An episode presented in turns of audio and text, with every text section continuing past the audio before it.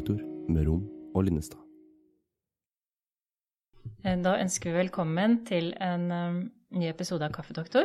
Og i dag har vi med Ellen Hagemo, som skal få lov å presentere seg selv. Um, men vi skal bare gjøre oppmerksom på at Lina er med fra Washington, så hvis lyden er litt sånn av og på, så vet vi grunnen. Men uh, hei, Ellen. Hei. Så Hei. hyggelig at du kunne være med oss. Eh, Du har en eh, lang eh, Hva skal vi si eh, Du har gjort mye, så derfor så tenkte jeg at det kanskje det var bra at du presenterte deg selv. Takk skal du ha. Takk for at jeg ble invitert.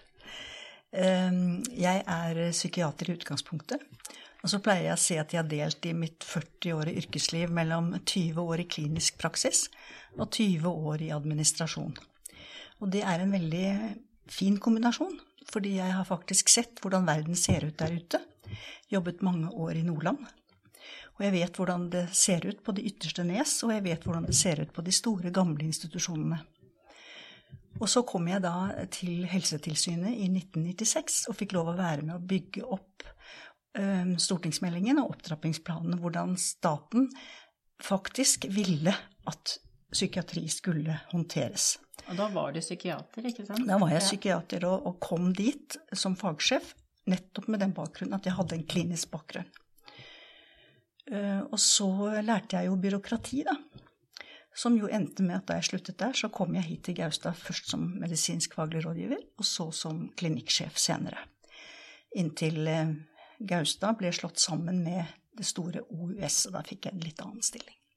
Men fortsatt som byråkrat. Da, men du fortsatte jo også å lede eh, deler av eh, sykehuset. Ja, da, altså da ble oppdelingen en annen fra å ha hele Gaustads opptaksområde med barnepsykiatri og rus og, og andre kliniske avdelinger. Så fikk jeg da mer spesifikke oppgaver i den nye organisasjonen. Så har du en veldig stor kjærlighet til Gaustad. Ja, så pleier jeg å si at når man blir pensjonist, så havner man på museet. Eh, og derfor så er jeg, har jeg vært veldig aktiv i de siste snart ti år siden jeg gikk av med pensjon, for å prøve å vise hvilken fantastisk bygning og historie dette anlegget har. Eh, Og jo mer jeg leser og jo mer jeg lærer, jo mer imponert blir jeg over de foregangsmennene for 200 år siden som fikk en idé og en plan og en vilje til å gjennomføre. De var litt forut for sin tid, var det ikke det? De som eh, hadde ideene rundt Gaustad? Altså um, både ja og nei. Nå må vi friske opp historieleksene våre, da. Og det er jo filosofien på 1700-tallet og forståelsen av mennesket. At menneskene hadde en verdi, og alle mennesker var like mye verdt. De tjente ikke like mye, men det var en verdi å være menneske. Det var de franske filosofene, og så fikk du fransk revolusjon. Og så spredde jo dette seg i Europa, slik at den norske grunnloven i 1814 er jo en lov veldig preget av et humanistisk menneskesyn. Og det som er så fascinerende, det er at lille Norge, som var fattig og under Sverige, de bestemte seg for å satse på helse. Eh, Og så bygget de Rikshospitalet nede i sentrum, men det var bare for somatiske sykdommer. Og så var det da foregangsmennene, Fredrik Holst og Herman Major blant annet, som sa at det å være sinnssyk er også en sykdom, det er ikke en besettelse. Og i veldig mange hundre år så har jo dette vært en besettelse. Det har jo vært onde ånder, det har vært ganning, uavhengig av hvilken kultur det er. Og fortsatt er det jo det i verden også, at man ser på en sinnssykdom som besatt av noe. Så sa de Norge må gjøre noe for denne gruppen mennesker. Vi må skaffe dem et sted å bo, et sted å være. Vi må behandle dem på en ordentlig måte. Og vi må bygge et asyl, som jo er et fristed i sin opprinnelse. Så var historien slik at eh, de hadde i Norge noe som het dollhus. Og det var eh, et sted hvor man sendte alle man ikke riktig visste hva man skulle gjøre med. Og da skriver eh, Fredrik Holstads hvis, jeg, hvis man ikke var gal før man kom dit, så ble man det i hvert fall der. Og der var det vel også litt blanding av kriminelle og Det var- syke og ja, altså- og De som ikke greide seg sjøl, eller var syke, eller drankere, eller prostituerte, eller litt forskjellig. Og så var det både kvinner og menn, så det var mye rart som skjedde der på de dollhusene. Og det var helt skrekkelig. Det er helt riktig som Holst skriver. Og så var det da disse nye trendene i Europa som betraktet psykisk sykdom, sinnslidelse, som en sykdom. Så var det en veldig spesiell historie for Major. Han hadde en forlovede, og hun ble psykisk syk og ble sendt eh, på et eh, privat sykehus i Nord-Tyskland, som jo var vanlig for de som hadde litt penger. Og eh, der så han jo hvordan man behandlet og tok vare på de som var psykisk syke. Så han fikk en faglig bakgrunn for hvordan man kunne gjøre noe for den gruppe mennesker. Og så dro de tilbake. Og så sier det norske storting nei, vi tror ikke noe på at dette er noe vi trenger. Og så sier disse herremennene vi skal vise dere at dette trenger vi. Så reiste de land og strand rundt og kartla de som var psykisk syke. Og det var ikke de som satt hjemme og gråt i en krok eller ikke turte å gå ut, det var de som var, som vi nå til dags vil kalle skikkelig gale. Eh, De var stengt inne i bur, i fjøs, på loft, gjødselkjellere, egne rom.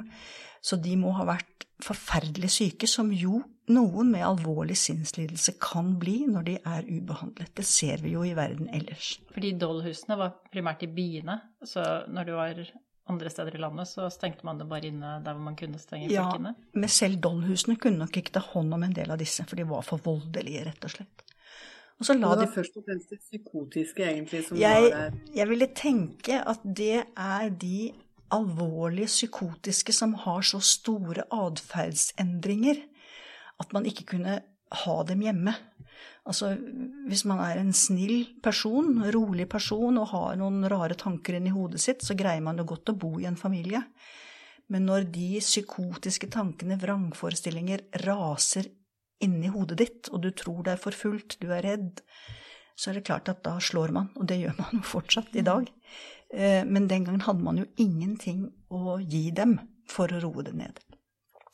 Det var en 1200-1300 personer de fant på denne måten, og så la de dette fram for Stortinget. Og så sa Stortinget det er greit, vi skjønner at dette må vi gjøre noe med. Så hadde man da på den tiden noen ideer om hvordan skulle disse sykehusene bygges, og hvordan skulle de syke tas imot. Det ene var at det skulle være pent, det skulle være landlig, det skulle være rolig, det skulle være solfylt, og det skulle være et gårdsbruk, slik at man kunne ha meningsfylt arbeid. Dette høres fornuftig ut. Ja, og det som da er fantastisk, da gikk man til innkjøp av en stor gård som da het Østre Gaustad, som er denne gården hvor Gaustad sykehus nå ligger. Og så står det beskrevet at mot syd åpner det seg ut mot eh, fjorden og ned mot byen, og på siden er det skog, slik at det blir en del skjerming. Alle sykerommene har vindu mot syd, fordi sol var viktig. Det skulle være ganger mellom disse eh, bygningene som går ut fra en sentral akse, så at man kunne gå ute selv om det regnet eller snødde, og man kunne få litt frisk luft. Og mellom disse bygningene skulle det være park, hvor man kunne sitte og nyte fri eh, luft, eh, og blomster og andre ting som var pent. Så var det da et stort gårdsbruk med frukt, med poteter, gulrøtter, alt som man hadde for, som man trengte i en husholdning. Det var et stort fjøs med kuer og høner og griser og det man måtte trenge. Og så var det også en åker og eng, så man slo jo mat til krøtter og korn til maling. Og så hadde man faktisk en del skog også, slik at man eh, jobbet i skogen og saget planker og hadde et lite sagbruk her. Så jeg pleier ofte å si at det var en liten landsby. De hadde alt de trengte her. Og så selvfølgelig systue og vaskeri og kokker og snekker og smeder, slik at ved siden av eh, alle som var ansatt her, så var det også en stor del håndverkere som da gjorde forskjellige ting her på sykehuset. Det er nesten så man får litt sånn gåsehud når man liksom tenker på dette i forhold til hva de planlegger nå. Så er det bare så utrolig stor kontrast i tenkningen. Og Så er det en kjærlighetshistorie. Det er veldig romantisk at dette er jo bygget egentlig av kjærligheten til denne kjæresten til Major. Ja, altså, eller kjæresten til Major er én ting, men det var det at disse, disse mennene eh, hadde et menneskesyn som gjorde at enten du var syk eller frisk eller somatisk syk eller psykisk syk, så hadde du krav og rett på behandling. Og så er jo spørsmålet hva slags behandling kunne man tilby? Og, og, det hadde de ganske klare tanker om. De visste jo ikke så veldig mye, men de hadde en idé. Og det ene var at det skulle være et asyl. Det skulle være et rolig sted. Og så hadde man en full forståelse for at det å være hjemme blant familien kunne være slitsomt. Så det å få lov å være her uten den nære familie var også viktig. Eh, så skulle man ha noen prinsipper, og det ene var at det selvfølgelig skulle være kjønnsdelt. Kvinner på den ene siden og menn på den andre. Og så skulle man behandles etter sin dannelse. Eller sin stand, som jeg bruker. Men dannelse betød jo at man tilhørte de litt rike, bedre middelklasse. Man bodde bedre, man hadde bedre mat, bedre manerer, ikke minst.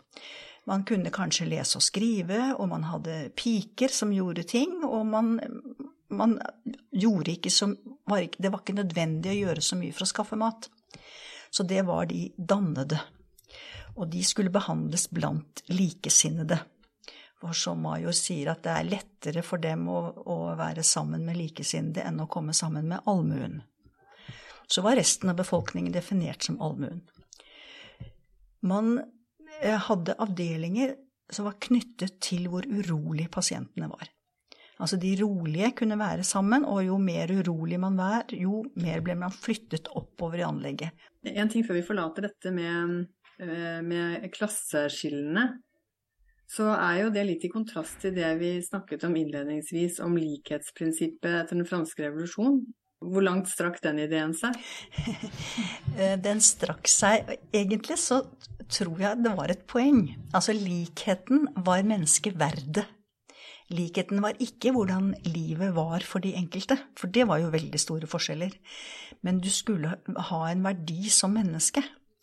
Eh, men det betød ikke nødvendigvis at du skulle være sammen med mennesker som du ikke hadde noe til felles med. Nei. Eh, og, jeg har stor sans for den tenkningen, for nå må vi huske på hvordan så Norge ut på 1850-tallet. Det var en oppvoksende, litt finere klasse i de store byene. Og så var det mye arbeidere. Industriarbeidere, for det var jo akkurat fremveksten av eh, industrien som kom. Og så var det mye bønder og fiskere.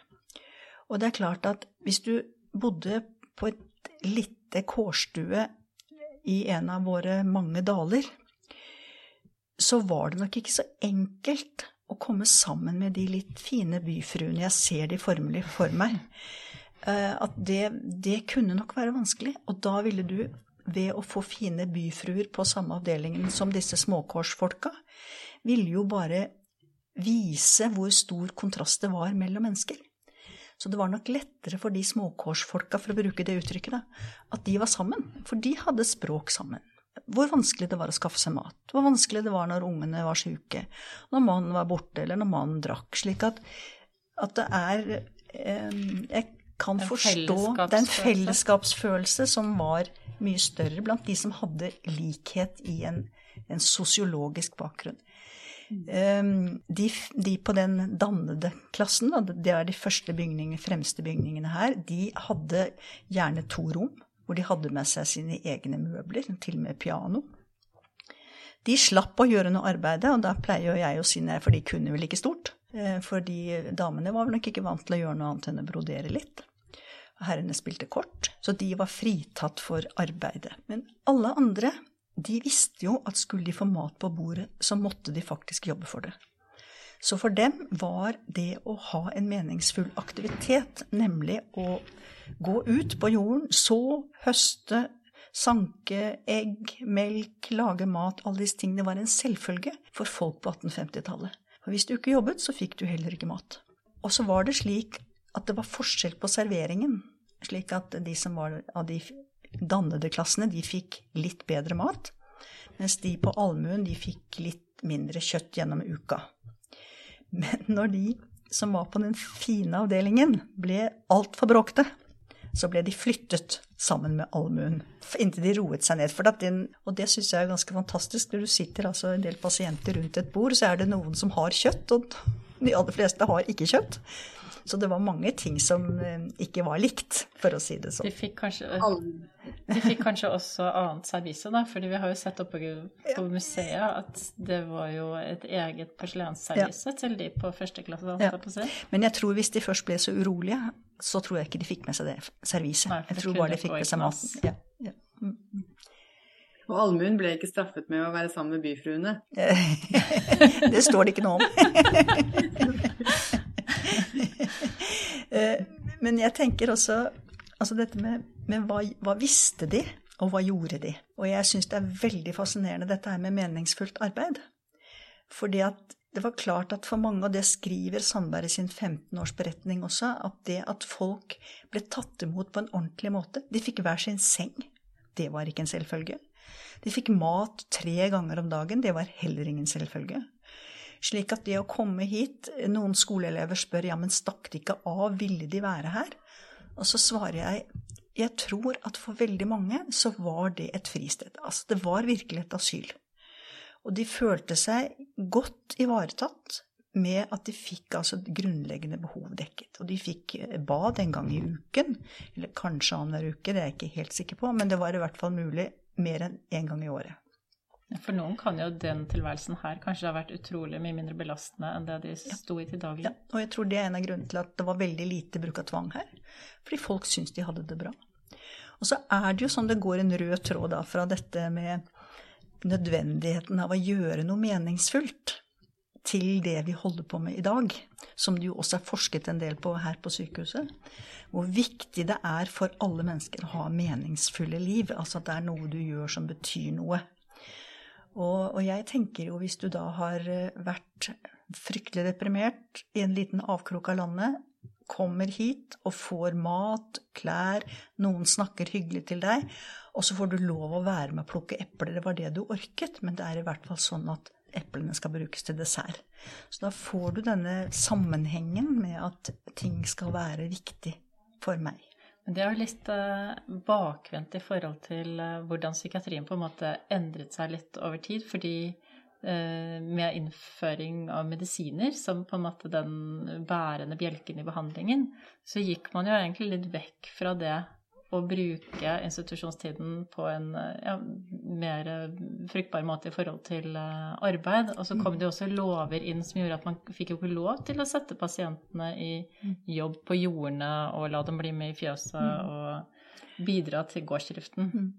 Utstillingen på museet her viser veldig godt den forskjellen som var på arbeidsstuen. For det var liksom hvis man ikke orket å gå ut på åkeren og det var vinter og sånne ting, så var man inne. Og da laget man jo ting som skulle brukes. Da laget man soplimer, da laget man kurver, da kunne man sy, man kunne veve. Alle visste hva, skulle, hva man skulle bruke det til.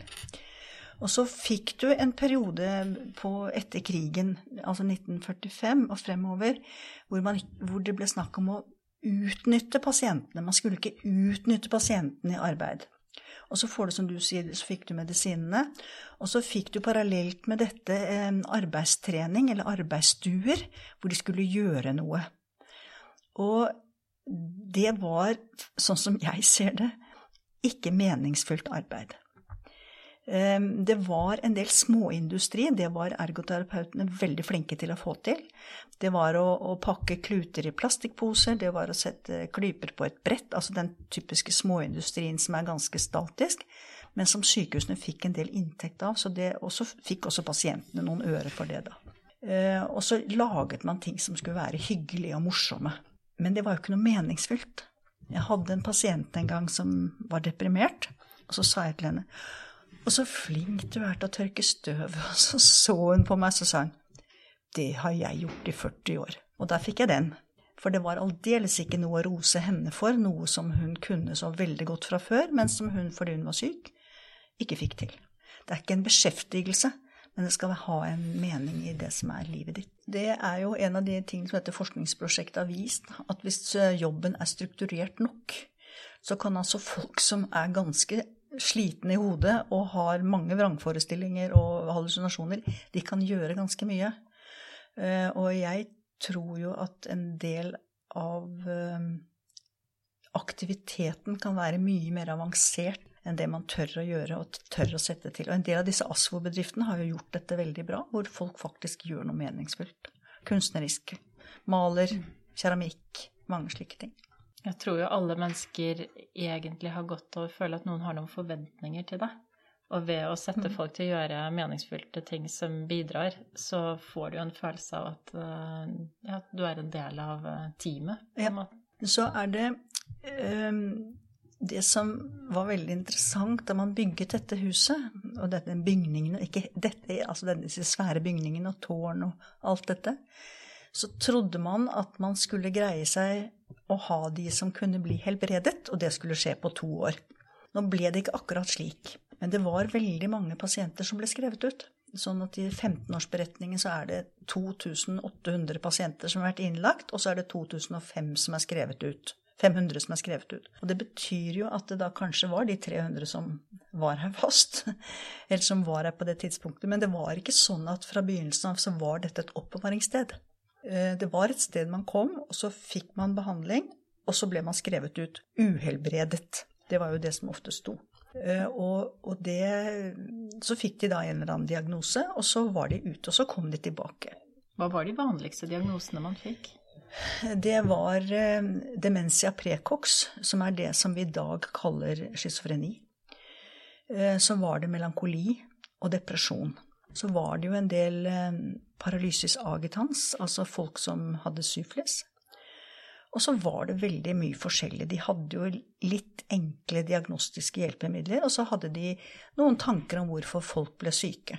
Men det vi jo vet i dag, er at en, sånn som f.eks. en depresjon, den svinger.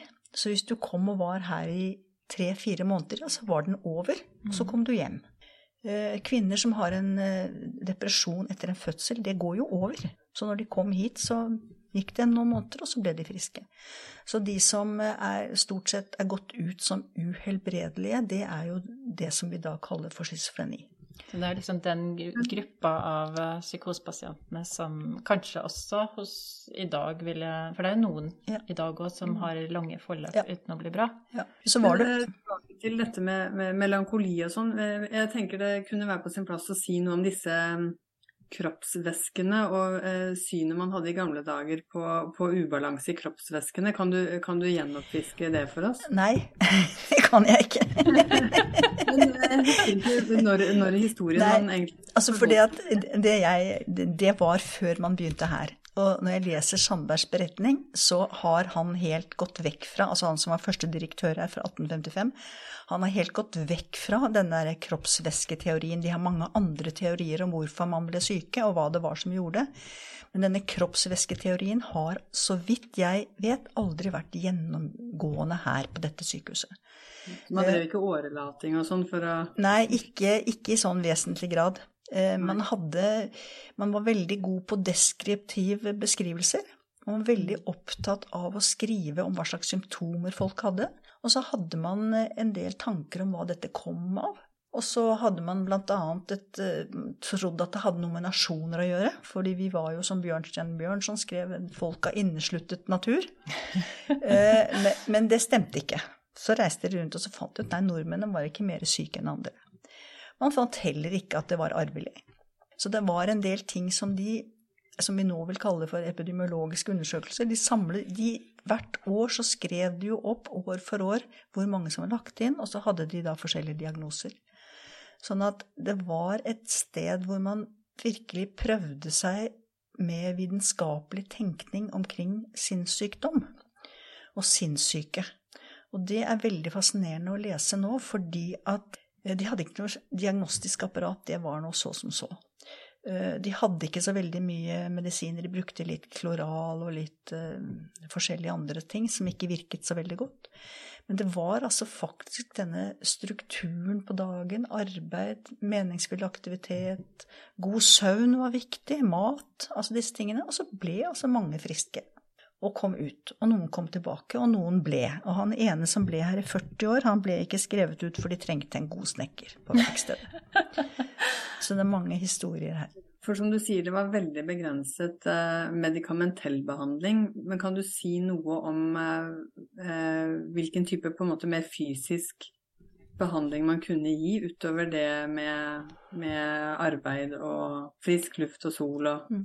Altså, da, da, er det viktig at man ser at moderne psykiatri har altså en 150 år historie. Og vi har diskutert det litt, at man kan dele litt sånn i 50-årsbolker.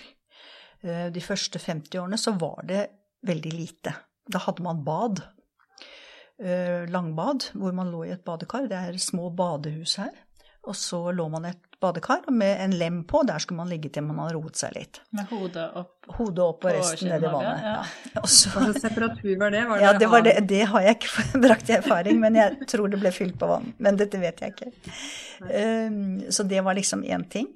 Uh, og så eh, hadde man noen beroligende medisiner. Og så etter hvert, uh, fra de første 50 årene, da, så brukte man jo mye av disse medisinene, altså insulin og kardiasol, som ga en krampelignende tilstand, som man mente hadde effekt.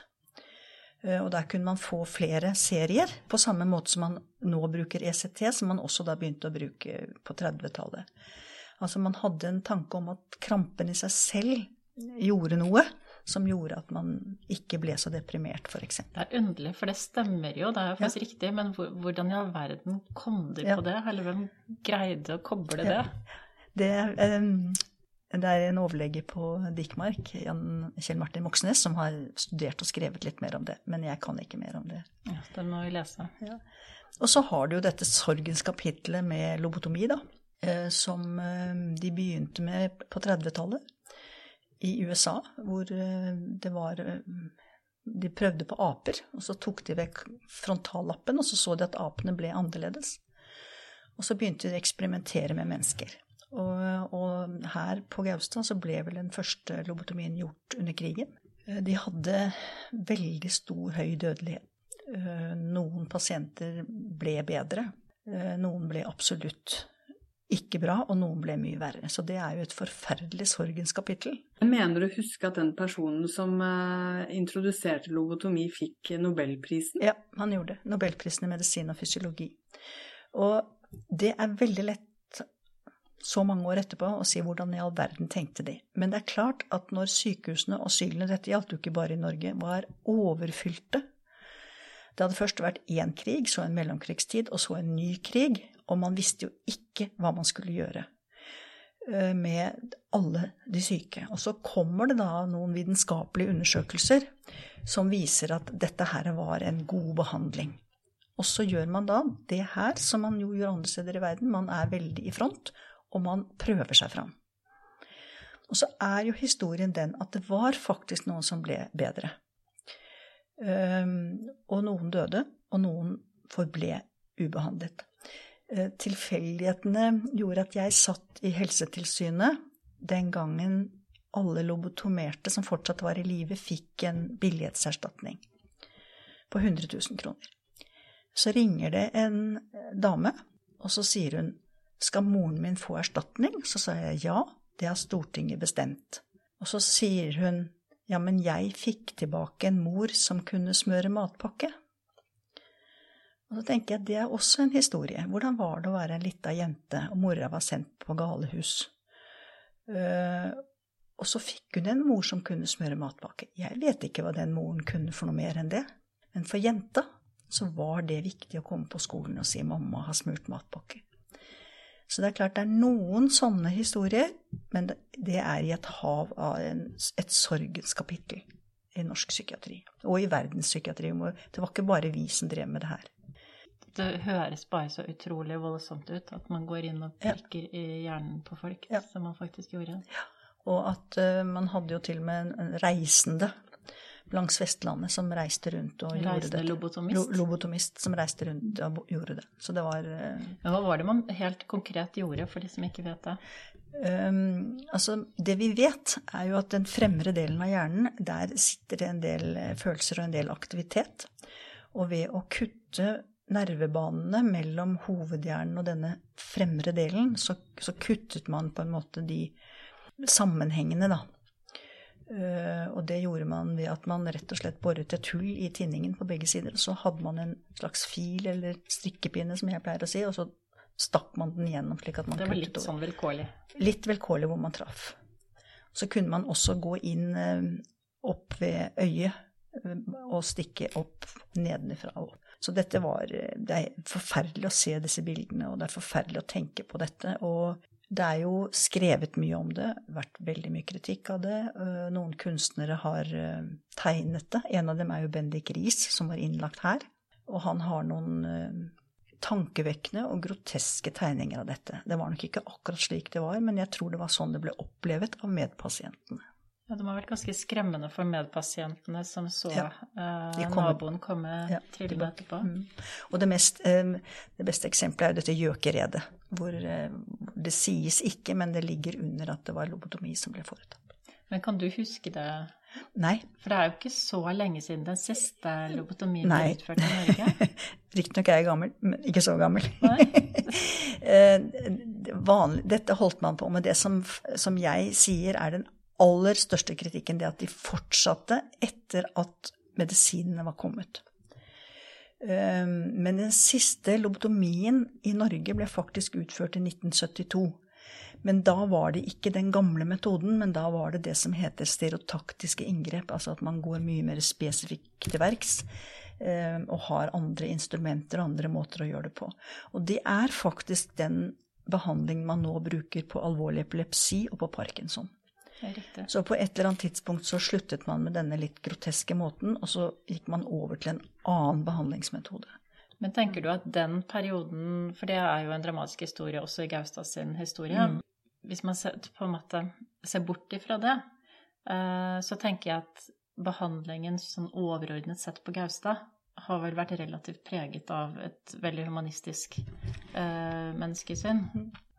Men jeg tror nok at Altså, humanismen, det å komme hit og være vokter, som man jo ble i 1855 Da hadde man arbeidstid fra åtte om morgenen til ni om kvelden. Eh, hadde fri en dag i måneden. Det var et kall. Man bodde trangt, men, eh, og bodde til dels sammen med pasientene. Men jeg pleier å si at hvis du var en jente fra landet og skulle ut og tjene, hvilke alternativer hadde du? Du hadde teglverket og spinneriene langs Akerselva. Eh, det var ikke noen eh, lett dans på roser, og dessuten var det fryktelig mye drikk og fryktelig mye mannfolk som rente på dørene. Så kom du hit som enslig kvinne og fikk en jobb her. Du fikk en seng, du fikk mat, folk behandlet deg ordentlig. Og du slapp å bli presset både på drikke og på hor, for å si det sånn. Fordi at det var veldig strengt. Du kunne ikke komme inn her, du kunne ikke gå ut, og det var veldig mye kontroll. Så på mange måter så tenker jeg at de første årene her var nok preget av at de som jobbet her, var veldig humant innstilt. De var glad for å ha en jobb som ga deg muligheten til utkomme. Ikke så veldig mye, men dog litt. Og så hadde du mat og hus, hvilket jo ikke var en selvfølge. Så er det klart at her var det også en del vold. De som var voldelige, de hadde sine egne avdelinger. De som var voldelige og urenelige og absolutt ikke lot seg styre, de hadde en egen avdeling hvor de hadde sitt eget rom med en direkte utgang til en liten hageflekk som de kunne gå og lufte seg litt, men de ble isolert. De ble låst inne på et altså Jeg vet ikke om de var så låst inne, men de hadde på en måte sin egen avdeling hvor det var noen få rom. Eh, og det gjorde at det nok ikke var så mye vold på de andre avdelingene, for de som ble helt uregjerlige, de kom dit. Eh, og så kan man jo stille spørsmål hvor lenge var de der, og det er ganske interessant når du ser på et av problemene i dag, er jo at det er mye vold i psykiatri. Og jeg tror jo at noe av den volden også er en desperasjon i det at du er låst inne, du vet ikke hvor det skal gå med deg, du vet ikke hvor du havner. Eh, jeg tenker jo ofte på at jo mer regler du får, jo mer viktig blir det å bryte reglene, og så blir det enda flere regler, og så er du i gang med en sånn spiral som bare eskalerer. Um, og her tror jeg, men dette vet jeg ikke, men jeg tror at de da ble de uregjerlige på avdelingene, så ble de sendt dit. Uh, til de hadde roet seg. og så kunne de komme tilbake. Men uh, avdelingene som sådanne store vaktsaler med 10-15 personer, de kunne ikke håndtere folk som var rabiate og slo omkring seg. Så det gikk ikke, for det var det ikke nok folk til. Men du har jo lest flere av de um, gamle journalpapirer, mm. og det står ikke noen ting der om at det var uh, personale som var uh, utsatt for vold, eller man skrev ikke sånt? Det tror jeg ikke man brydde seg så mye om, for å si det sånn. Så det står det ikke i de journalene. Så står det Det ble ikke sendt noe avviksmelding? For å si det mildt, nei, det gjorde ikke. Det var, der var det veldig mye beskrevet. Kunne være urolig på natten og sånn, og så ble man sendt på en annen avdeling. Det er liksom det, sånn kortversjonen av det som står. Og så bodde jo direktøren på området. Ja. Så han ble vel kanskje tilkalt Så det var bråk i Kanskje overvokteren kom. Men hva ville du velge, Alina, hvis du skulle legges inn? I dag, eller for 150 år siden? Jeg tror kanskje jeg ville foretrukket i dag, men altså, det er jo mange av de elementene fra sånt som man tenkte rundt Gaustad, som, er, eh, som man dessverre har gått litt bort fra og glemt igjen. Mm. Eh, det med å ha det åpent og pent rundt seg, og det er mye sånne sterile, triste sykehusavdelinger. Mm. Så jeg tenker tankene rundt det eh, er jo noe vi burde klare å, å, få litt inn i systemet igjen. For det tror jeg har mye å si. Og du, altså, Gaustad var det første statsasylet, og så kom de andre etter hvert eh, ca. 50 år etter. Og det som særpreger disse gamle asylene, for å bruke det uttrykket, da, det var at de var veldig vakre. Altså Rønvik sykehus, hvor jeg har jobbet, det var altså en, mursteins, en bygning i fauske-marmor. Uh, og hvor man altså har en park hvor det vokser trær som ikke vokser noen andre steder i Nordland. Uh, og det samme gjelder jo disse andre store asylene. Det var store områder uh, hvor det selvfølgelig var hage og trær, og det var lagt vekt på at det skulle være romslig og pent. men det var jo også fordi at folk var relativt mye lenger. Altså nå er man jo så kort tid innlagt. Eh, men jeg har en gang jobbet med en som hadde veldig mye voldshistorikk. Og det var jo det samme. Inn på isolat, låste dører og eh, tok vekk alt som kunne kastes, osv., osv. Og, og så laget vi en egen avdeling hvor det var kjøkken og kokekar og glass og servis. Og så kommer han inn der, og det første han gjør, er å begynne å steke seg et egg. For det hadde han jo aldri fått lov til. Må jeg si at Der hadde vi så god bemanning at vi gjorde det, men det å se hva det gjorde med den unge mannen, å komme i omgivelser som var hyggelige, uh, inviterende til å gjøre noen ting, og ikke bare bråke rundt i en korridor, det var veldig viktig. Men det er klart det er ekstremt ressurskrevende. Jeg må jo si at eh, jeg skulle ønske at uh, nye OS kunne ta inn over seg disse historiene fra Gaustad. Mm. Jeg syns også det hører egentlig mer til en moderne tenkning rundt psykiatri, hvor vi vet at det å være ute, god tilgang til grøntområder, bare det å se grønn mm. natur faktisk virker helende. Uh, om det så kun er ut av vinduet. Eh, så er det jo veldig merkelig, sånn som vi har innrettet uh, tenkningen rundt det nye sykehuset. Det må jeg bare innrømme. Syns jeg må være lov å si. På pasienter som tilfrisknet og som kunne jobbe der etterpå? Ja, det er jo han på Han snekkeren? Han snekkeren som var her i 40 år, da. Ja. Det andre, den andre mest slående, det er jo Amalie Skram. Det er jo offentlig kjent. Hun var her, og hun var på den avdelingen for de som betalte for seg. Eh, og hun var veldig fornøyd med det oppholdet her. Hun syntes hun fikk god hjelp. Jeg vet ikke hva hun slags hjelp hun fikk, men hun opplevet selv det. Mens derimot da hun kom til et tilsvarende sykehus i København, så var det ikke bra. Og de to eh, bøkene hun skrev på Sankt Hans og i Jeronimus Professor Jeronimus. Ja, det er ikke herfra, det er fra Danmark. Ja, det er Sankt Hans hospital Roskilde. Ja, Mm. Så, så, det er da hun var i, i Danmark på mm. sykehus, hvor hun beskriver da maktstrukturer og andre ting. Og det opplevde hun ikke her. Så det er ganske interessant at uh, det blir ofte tatt til inntekt for at det var oppholdet her, men det er det faktisk ikke. Og det har hun selv sagt. At, jeg, jeg, har alltid oppfattet at jeg var i Danmark, ja. men det er kanskje fordi jeg har jobbet litt der òg. Ja. Men uh, det er interessant at hun hadde en annen oppfatning av um, Gaustad. Jeg visste faktisk ikke at hun hadde vært der. Nei, det står, Hun har laget en stor beskrivelse, en bok om henne. det står det. Den er i hvert fall veldig klaustrofobisk, hvor hun mm. prøver å argumentere for at hun er frisk, og det blir alltid tatt til inntekt for at hun er syk. ja, den leste jeg for mange år siden, jeg også. Ja. Fryktelig. Men det er kommet en stor biografi om henne som Merete Morken Andersen, heter hun vel, har skrevet om Amalie Skram. Som beskriver en ganske trist historie. Men nå må vi vel nesten kanskje tenke på å avslutte. Nå fikk jeg lyst til å gå og begynne å lese Amalie Skram om igjen, Mark. Men det var kjempespennende å snakke med deg, Ellen. Du sitter på så utrolig mye god historie fra Gaustad. Så nå håper jeg veldig mange andre har lyst til å høre på dette. Tusen takk, Ellen. Takk. I like måte.